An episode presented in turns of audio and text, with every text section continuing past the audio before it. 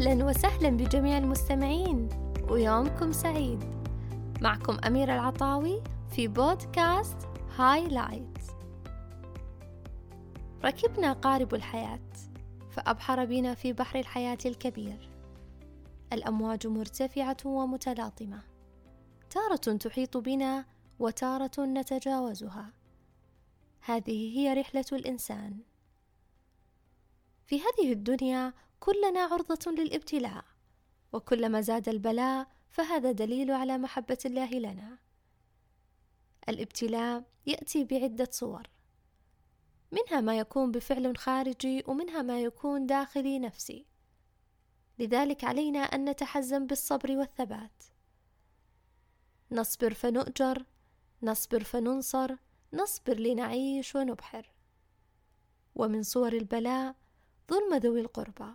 يقول طرفة بن العبد وظلم ذوي القربى أشد مضاضة على المرء من وقع الحسام المهند ومن صور البلاء رؤيتك لمن تحب وهو يعاني الألم والوجع وأنت لا تملك له حلا ولا عقدا.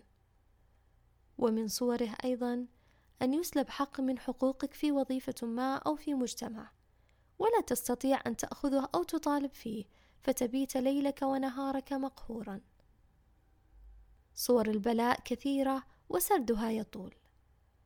عزاؤنا في هذا الكم من البلايا أننا نحتسب أجر ما نعمل لله نبتغي نيل رضاه.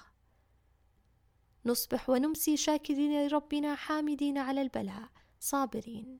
فالحمد لله رب العالمين. لك أن تتصور أننا ننتظر أن يقيم أحد من البشر أعمالنا الصالحة. أجزم أننا لن نرضي أحدا أبدا.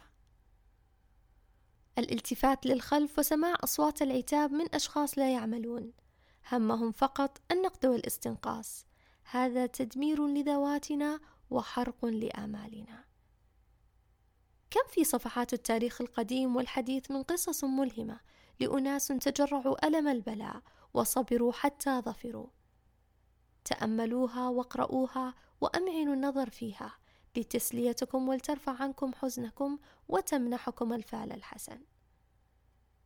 كم من فقير أغناه الله وكم من مريض عافاه الله وكم من مظلوم نصره الله وكم من جاهل استنار عقله بفضل الله.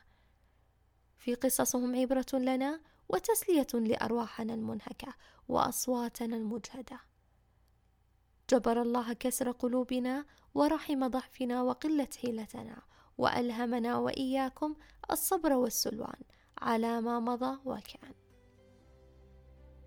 أختم الحلقة بمقولتي المعتاده كل يوم بداية جديدة. ألتقيكم في بداية قادمة بإذن الله.